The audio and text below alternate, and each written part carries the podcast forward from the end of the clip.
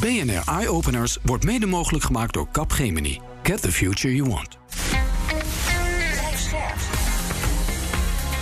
BNR Nieuwsradio. Eye Openers. Nina van den Dungen.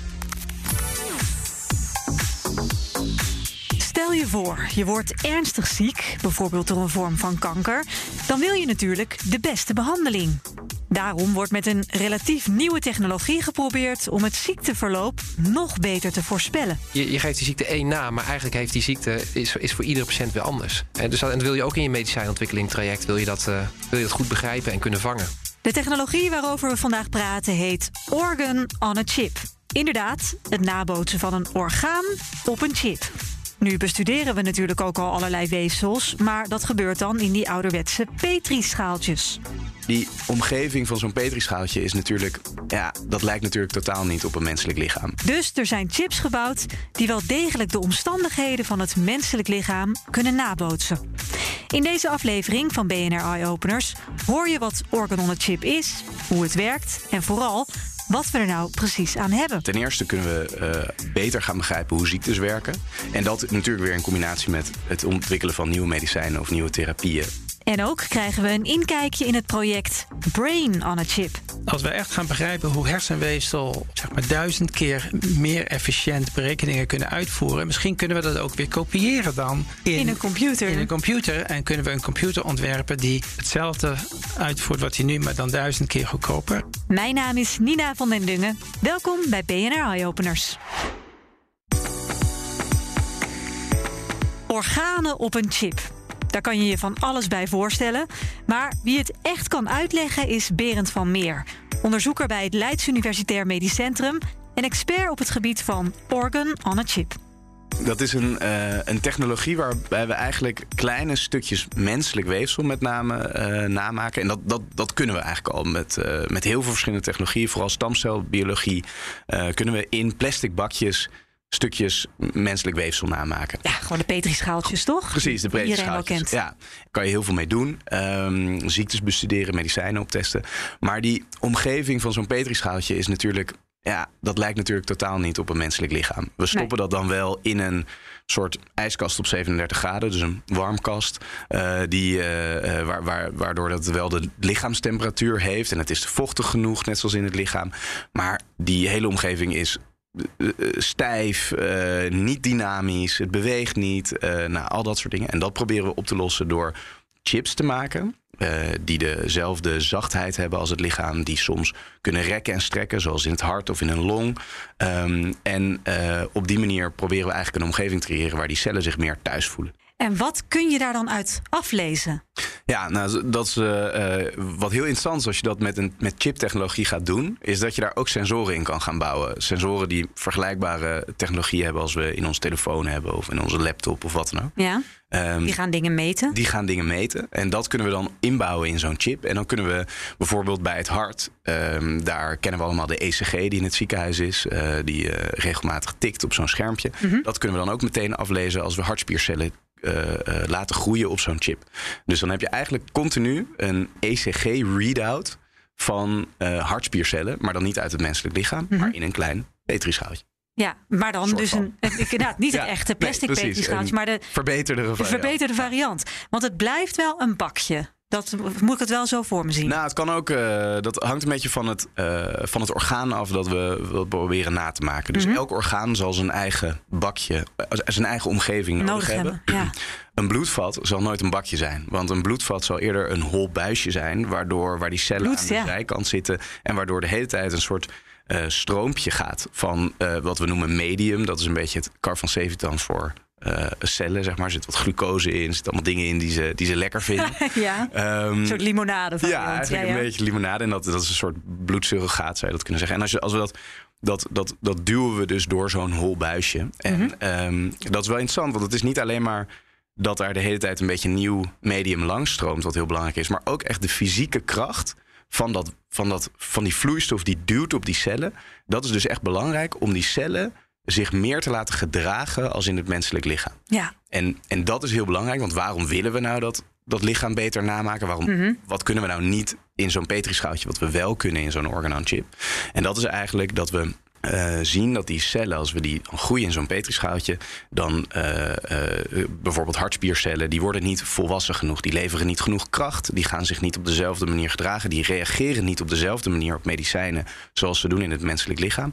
En als we ze in een omgeving zetten die zacht is, maar waar ze wel bijvoorbeeld aan iets kunnen trekken. Dus we maken echt paaltjes als een soort mechanische ballast. Een soort gym, gymnastiek voor hartspiercellen zou je kunnen zeggen. Ja.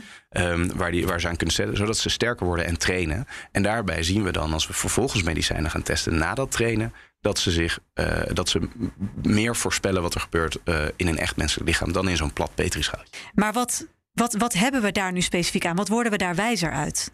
Ja, daar kunnen we dus eigenlijk twee dingen mee doen. Ehm, eh, ten eerste kunnen we eh, beter gaan begrijpen hoe ziektes werken. En dat natuurlijk weer in combinatie met het ontwikkelen van nieuwe medicijnen of nieuwe therapieën. Ehm, eh, en wat een heel belangrijk onderdeel er ook van is, is het gebruik maken van medicijnen die al bestaan. En dat is ook een hele interessante om die kosten wat goedkoper te maken. eh, om die te, zogenaamd te repurposen. Dus om bestaande medicijnen die al gebruikt worden, om te checken, hey, werkt dat eigenlijk niet ook? Die zijn, zijn vaak al toegelaten in de kliniek. Hele kostbare trajecten zijn er al aan vooraf gegaan. Maar werken die medicijnen eigenlijk niet ook voor een paar andere ziektes? En dit Ja. is dan een vrij makkelijke manier om dat te doen. Dus even in een notendop. Met Organ on a Chip proberen onderzoekers dus eigenlijk een orgaan na te bootsen buiten het lichaam, maar dan wel met alle omstandigheden van binnen het lichaam. Zo kom je tot betere modellen die het verloop van een ziekte voorspellen en dus kan je gerichter medicijnen ontwikkelen. Mimetas is een Nederlands bedrijf dat al sinds 2013 bezig is met deze technologie. En Paul Vulto is de CEO. Organ Chip is een heel nieuw veld. Wij waren er al in 2013 zijn we opgericht. Is al best wel een tijd geleden. En in die tijd was het eigenlijk gewoon was, was eigenlijk nog niet eens een Organ Chip bedrijf dat daar volledig op focuste. Wij zagen de noodzaak tot betere modellen. Eh, het bouwen van betere weefselmodellen om medicijnen op te ontwikkelen. En we zijn eigenlijk het veld mede gaan, gaan bouwen. Wat maken jullie precies? Wij zijn eh, expert op het gebied van organ on a chip. Nou, organ on a chip, eh, het zit al een klein beetje in het woord. Hè? Er zit het woord orgaan in en er zit het woord het chip in. Mhm. Eh, de orgaan is een beetje de ambitie. Dus wij proberen zo goed mogelijk een menselijk stuk weefsel na te bouwen in het laboratorium. En de chip, dat is een technologie. En in dit geval is dat geen computerchip. eh, of een chip die in een telefoon zit. Nee, met- niet met een soort smartcardje, plat schijfje. Nee, maar dat zijn eh, eh, wel chipjes, maar, maar dan heb je in plaats van transistoren heb je microkanaaltjes. Ja. Nou, in die microkanaaltjes, daar groeien dan cellen in, dus menselijke cellen. In een driedimensionale context met eiwitstructuur die je ook terugvindt in het menselijk lichaam. Een vloeistofstroompje, die dan bijvoorbeeld bloedstroom representeert in het lichaam. Eh, maar ook eh weefseltje wat je dus opbouwt uit verschillende celtypes. Bijvoorbeeld lever, niet alleen levercellen, maar ook het bindweefsel, bloedvatstructuur, eh, immuuncellen. Zodat je uiteindelijk tot een een compleet weefseltje komt. En als je dan wil gaan kijken van... goh, hè, doet dit medicijn het voor deze ziekte... of is het giftig voor de lever bijvoorbeeld... Dan heb je een, een compleet model in het laboratorium... waarop je dat kunt testen. We gebruiken echt weefsel. En dat, en dat, dat, dat kan langs verschillende manieren. Hè. Het kan donormateriaal zijn. Hè, dus, dus primair materiaal van, van donoren die een stuk weefsel afstaan. Mhm. Het kan ook, je kan ook gebruik maken van stamceltechnologie. Dus die is eh, zeer ver ontwikkeld. En wij, wij doen dat heel veel in ons lab. En dan heb je bijvoorbeeld, eh, nou, noem eens even darm bijvoorbeeld, weet je wel. Dan kun je darmweefsel van een patiënt gebruiken. En dat kun je dan in het laboratorium in kweek nemen. En dat kun je ja, jarenlang blijven gebruiken van diezelfde patiënt. Met die specifieke eigenschappen van die specifieke patiënt. Mhm. En zodoende kan je natuurlijk heel, heel goed kijken naar, naar ziektes zoals bijvoorbeeld de ziekte van Crohn. Dat zijn nou typische ziektes waarbij je graag wil weten dat je niet alleen een mooi model bouwt, maar dat het ook een relevantie heeft voor die specifieke patiënt. Want dat zijn nou typische ziektes die voor.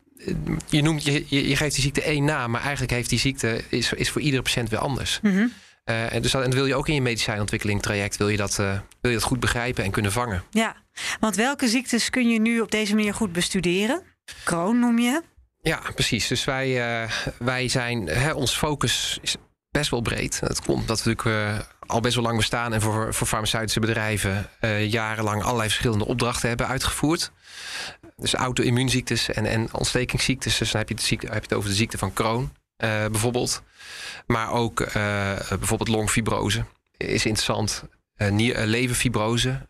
hart- en vaatziektes werken, werken we aan. Maar we werken ook bijvoorbeeld aan, aan hele complexe ziektes als ALS. en dat is dan weer het, het perifere zenuwstelsel en de spierweefsels die daar aangedaan zijn. Ja.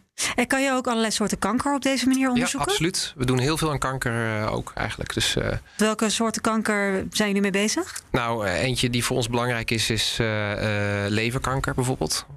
zowel primaire leverkanker als metastase na de lever toe. Mm -hmm. Maar we werken ook veel aan, aan alvleesklierkanker. Wat natuurlijk een van de meest verschrikkelijke vormen van kanker is en de meest dodelijke. Mm. Um, ja, maar we hebben ook borstkanker, darmkanker, al, die, al die types.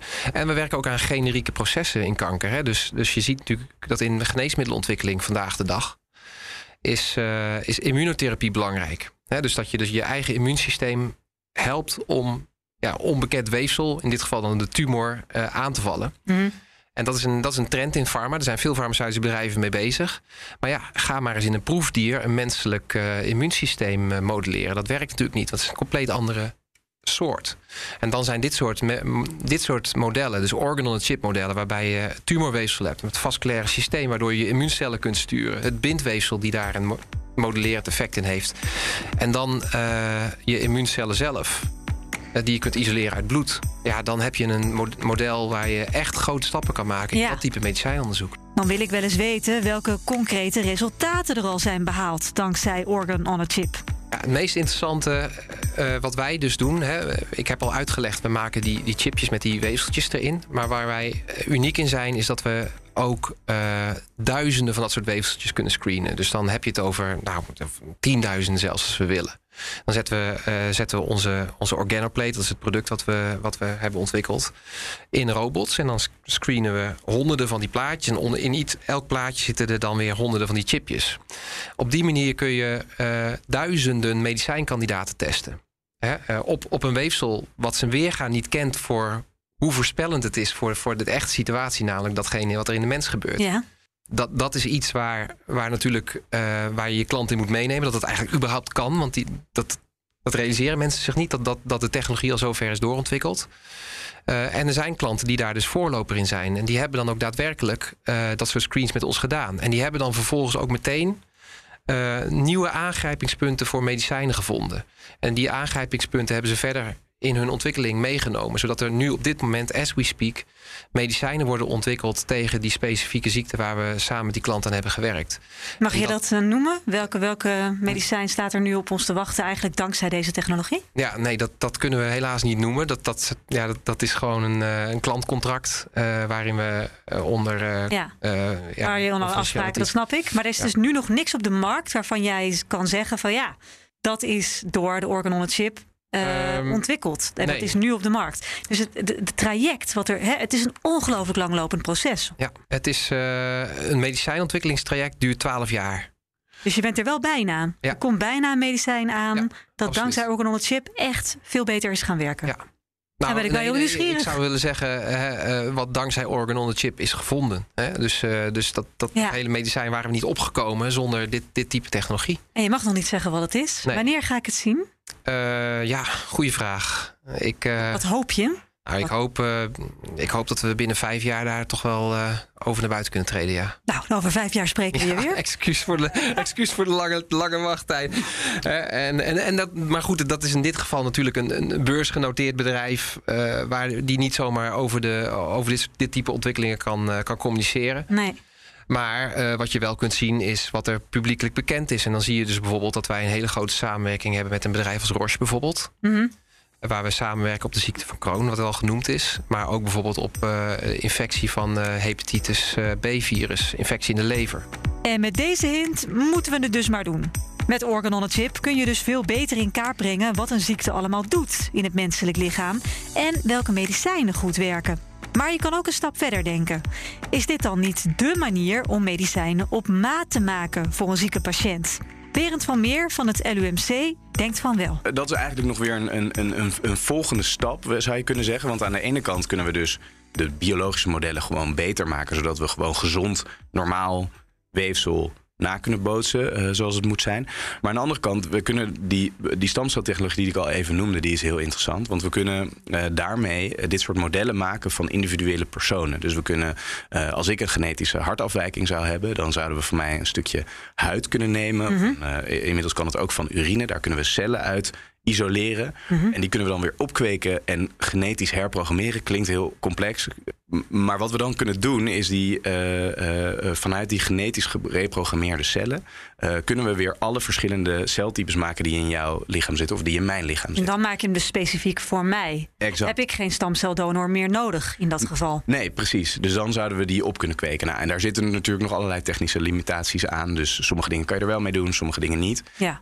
maar hartspierweefsel is bijvoorbeeld een heel goed voorbeeld. Want als je een biopt zou willen nemen van het hart dat is lastig, want het hart is niet regeneratief. Van, het, van de huid kunnen we dat makkelijk doen. Dus daarom, uh, daarom is, het, uh, is, is deze manier, dat heet via induced pluripotent stemcellen, IPS-cellen, is dat een hele veelbelovende technologie om te doen. Maar die cellen die we dus dan maken, die zijn, die hartspiercellen, zijn eigenlijk lijken die heel erg op hartspiercellen die vanuit feutaal weefsel komen. Dus een, een pasgeboren of misschien een nog net niet geborene, dat is een beetje het, het, het maturatie, het volwassenheidsstadium wat je je moet voorstellen. Ja. Maar stoppen we die in zo'n organ-on-chip device en uh, zetten we de goede, uh, dan zetten we wat meer celtypes bij elkaar in zo'n zo'n mooie omgeving.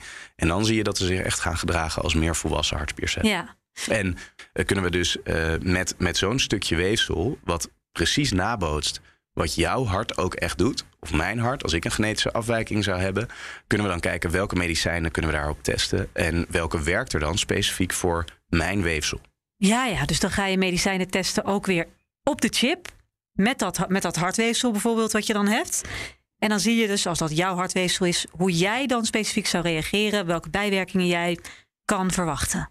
Ja, exact. En uh, uh, dat zijn aan de ene kant de bijwerkingen, maar ook echt of een medicijn werkt of niet. Dus. Is, uh, Heeft het resultaat wat je wil. Ja. Exact. En dat is voor, voor heel veel medicijnen die nu op de markt komen, is dat heel belangrijk. Want je ziet eigenlijk, we weten allemaal dat die medicijnen steeds duurder worden. Dat is echt een, een, een heel serieus groot probleem. Um, maar wat we, wat we eigenlijk ook zien aan, zodra die medicijnen dan op de markt zijn gekomen, is dat de de hoeveelheid mensen voor wie die medicijnen werkt, is eigenlijk maar heel klein. En um, uh, dat is ook nog eens een, zit er een hele sterke bias in. Dus dit wordt uh, heel goed getest op uh, witte mannen tussen de, nou, ik geloof 18 en 40 of iets dergelijks. terwijl genetische variaties, die we natuurlijk door de hele wereld heen zien, worden daar heel slecht in meegenomen.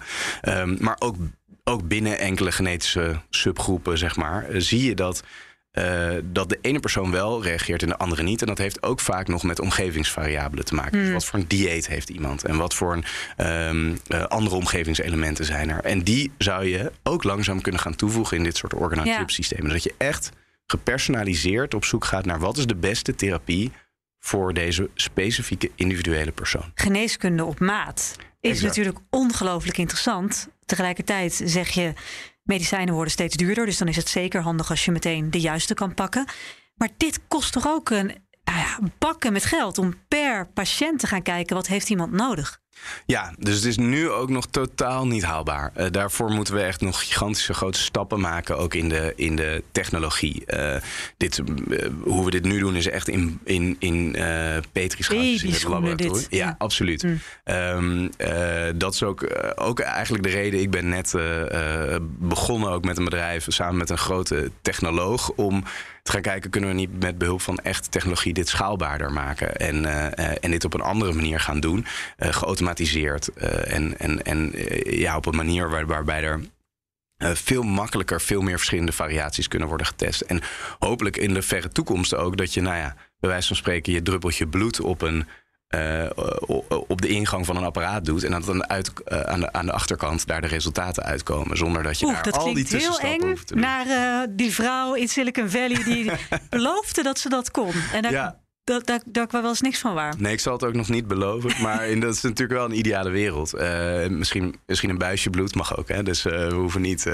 de, de volumes zullen we hem wat breed Nee. houden. Nee, maar waar, waar het om gaat is dat je natuurlijk naar een kostenefficiënte manier moet om dat gepersonaliseerd te doen. Maar we moeten ook niet vergeten dat de manier, de- het feit dat we dat dus nu niet op maat doen, kost ook een heleboel geld. Dus uh, um, het, het, het, De verspilling is nu heel groot. De, vers, de verspilling is heel groot. Uh, en plus dat het natuurlijk voor mensen heel vervelend is. denk aan chemotherapieën. Ik denk die verhalen kennen, kennen veel mensen. Dat Um, ja, je, je, er wordt kanker geconstateerd, er wordt een chemotherapie gepro geprobeerd. Uh, maar die eerste werkt niet, de tweede werkt niet, de derde werkt niet. Oh, de vierde slaat misschien wel aan. Uh, en en daar, daar moeten we veel slimmer mee omgaan. Oké, laten we nog een stapje verder gaan. Er zijn ook proeven met brain on a chip. Onderzoekers van de TU Eindhoven werken bijvoorbeeld aan een apparaat waarin hersencellen samenwerken met een computerchip. Met als ultiem doel het maken van een zeer energiezuinige computer. Bert de Vries is hoogleraar Electrical Engineering aan de TU Eindhoven en werkt mee aan dit project. Wel, de bedoeling van het uh, project is om hersenweefsel te laten groeien op een chip. Nou, die chip die heeft kleine metalen puntjes, elektrodes. Die elektroden kunnen we een spanning toevoegen aan het hersenweefsel. We kunnen ook spanningen uitlezen. En dat hersenweefsel dat doet gewoon zijn ding. Die volgt gewoon de, de wetten van de natuur. Dus dat, dat betekent, er zitten neuronen, er zitten cellen die berichtjes naar elkaar sturen. En onze bedoeling is om dat te beteugelen, om daar iets nuttigs uit te laten voortkomen. Wat wil je daar dan uithalen? Het experiment dat we gaan doen is, we proberen een uh, bezemsteel in de lucht te houden. Je, je kan het vergelijken met als je een bezemsteel op je hand zet, dan moet je je hand uh, rondbewegen. Om en die balanceren. Ja, precies. En we gaan proberen, nou, we gaan gewoon uh, op een normale computer een algoritme, een recept schrijven om die bezemsteel in de lucht te houden. De, de, de, met een robotarm. Ja aangestuurd door die hersencellen? Ja, in de eerste plaats dus aangestuurd door een gewoon algoritme, een gewoon recept dat we op een normale computer uh, uitvoeren. Ja. En dan nemen we een klein stukje uit dat algoritme en dat proberen we te vervangen door die, dat hersenweefsel. En dan als die bezemstel nog steeds in de lucht blijft, ja, dan doet dat, dat hersenweefsel iets nuttigs. Dan helpt hij mee om die, om die bezemstel in de lucht te houden. En op die manier kunnen we testen of, die, ja, of, of dat hersenweefsel meedoet in de berekeningen die nodig zijn om die bezemsteel in de lucht te houden. Maar dat klinkt voor mij als 1 in 1 is 2. Want als ik een bezemsteel op mijn hand balanceer, dan heb ik daar mijn hersenen voor nodig. Hè? De hersenen geven signalen af. Ja. Dus het is toch heel logisch om te bedenken dat dat hersenweefsel dat gaat doen? Wel, dat kleine stukje hersenweefsel op een chip, die weet niet dat hij die bezemsteel in de lucht moet houden. Nee. Um, dat weet jij wel, tenminste. Dat kan jouw doel zijn. En dan kan, kan je hersenweefsel dat inderdaad die berekening uitvoeren. Maar, maar dat, dat, die, dat, dat hersenweefsel dat we op die chip hebben, dat is, zijn duizend cellen. Die weten dat niet. Nee, dus, nee je uh, hebt die niet moeten... mijn hele brein op die chip. Nee, nee, absoluut niet. dus we moeten dat, dat hersenweefsel moet zich aanpassen. Het enige communicatie dat het hersenweefsel heeft, is via die elektrodes. En dus we moeten proberen om dat hersenweefsel zo aan te sturen en ook weer uit te lezen via de elektrodes, dat die mee kan helpen om die bezemsteel in de lucht te houden. En dat, dat stukje hersenweefsel weet niet dat hij een, een bezemsteel in de lucht houdt. Nee. Dus wat je, als ik het dan even mag samenvatten, eigenlijk probeert te doen, is hersencapaciteit, mijn, mijn menselijke hersencapaciteit, voor een stukje toe te voegen aan een computer. Om te kijken of de computer dan misschien wel beter die bezemsteel in de lucht kan houden. Klopt dat? Ja, en de uiteindelijke bedoeling is, we weten dat um, hersenweefsel dat soort berekeningen uh, veel zuiniger, energiezuiniger uitvoeren. Ja, je hele, zeg maar, al je denkwerk uh, in, de, in de cortex, de buitenste laag van de hersenen, uh, dat consumeert ongeveer 3 watt. Dat is een, hetzelfde als een fietslampje. Um, en daarmee kan je auto rijden en naar de radio luisteren en, uh, allerlei rare gedachten hebben. Mm -hmm. En dat is nog steeds. Gebruikt geen energie. 3 nee. watt. Ja. En um, als je dat zou moeten uitvoeren op een computer, dan is dat nou, duizend keer zoveel. Dus, ja. dus uiteindelijk het doel is om, en dit, dan sprak ik over heel lang term, hè, dus uh, 10, 20, 30 jaar. Mm -hmm om naar computers te gaan die veel zuiniger zijn. Niet twee keer zuiniger, maar misschien wel honderd of duizend keer zuiniger. Dus eigenlijk een computer die gewoon de hersencapaciteit heeft van een mens. Die berekeningen uitvoeren op hetzelfde, hetzelfde principe. De hersencapaciteit vind ik wel heel ver uh, in ja, de toekomst. Dat, nou ja, jij, jij lacht er ook bij. Dat komt natuurlijk ook omdat jij nu mijn gedachten bijna kan lezen van ja, maar dit is toch wat een robot is. En dan heb ik het over een robot met menselijke hersenfuncties. En dat vinden we allemaal heel gevaarlijk. Want wat als uh, de computers ineens de wereld over gaan nemen? Voor zover ze dat niet al hebben gedaan, natuurlijk. ja, ja. Dit is kritiek die je, neem ik aan, vaak krijgt. Ja, absoluut. absoluut. Dit is heel er is natuurlijk heel veel angst dat, uh, ja, vooral als je praat over ja, uh, hersenweefsel dat buiten het lichaam groeit en in leven wordt gehouden, dat ze de wereld gaan overnemen. Ja. Maar er is wel een verschil tussen duizend cellen op een chip en zeg maar een hele brain um, van ja, een mens. Maar je begint met duizend cellen. En dan is de vraag, waar stop je? Want als de, de experimenten heel interessant zijn... en je gaat inderdaad steeds meer energie kunnen besparen in je computer... omdat ze hè, eigenlijk de, de, de menselijke capaciteiten krijgen dan denk je, ja, waar, waar, waar, stop je? Wanneer, wanneer komt dat ethische punt dat je zegt: oké, nu wordt het echt gevaarlijk. Als we nu doorgaan, hebben we zometeen echt een robot met bijna volledige menselijke functionaliteiten qua hersenen. Ja, nou, het zal bij die. Ik denk dat die, die hersen, hersenweefsel op een chip dat zal niet zo'n groot gevaar zijn. Maar de hele discussie binnen AI, binnen artificial intelligence, kunstmatige intelligentie op zichzelf over de ethische vraagstukken zijn wel belangrijk. En die discussies worden ook al gevoerd en moeten we blijven voeren. Uh, want in principe, inderdaad, uh, je, hebt, je hebt deze discussie al met een zelfrijdende auto. Zo'n zelfrijdende auto moet beslissen uh, of hij een, uh, een, kind aanrijdt of dat hij uh, crasht tegen een muur bijvoorbeeld. Right? Ja. En daar kunnen drie, vier doden bij zijn. Dus, dus, dus hoe beslist zo'n zelfrijdende auto dat? En dat zijn discussies die, die worden gevoerd en die moeten ook gevoerd blijven worden. Een fascinerend experiment dus.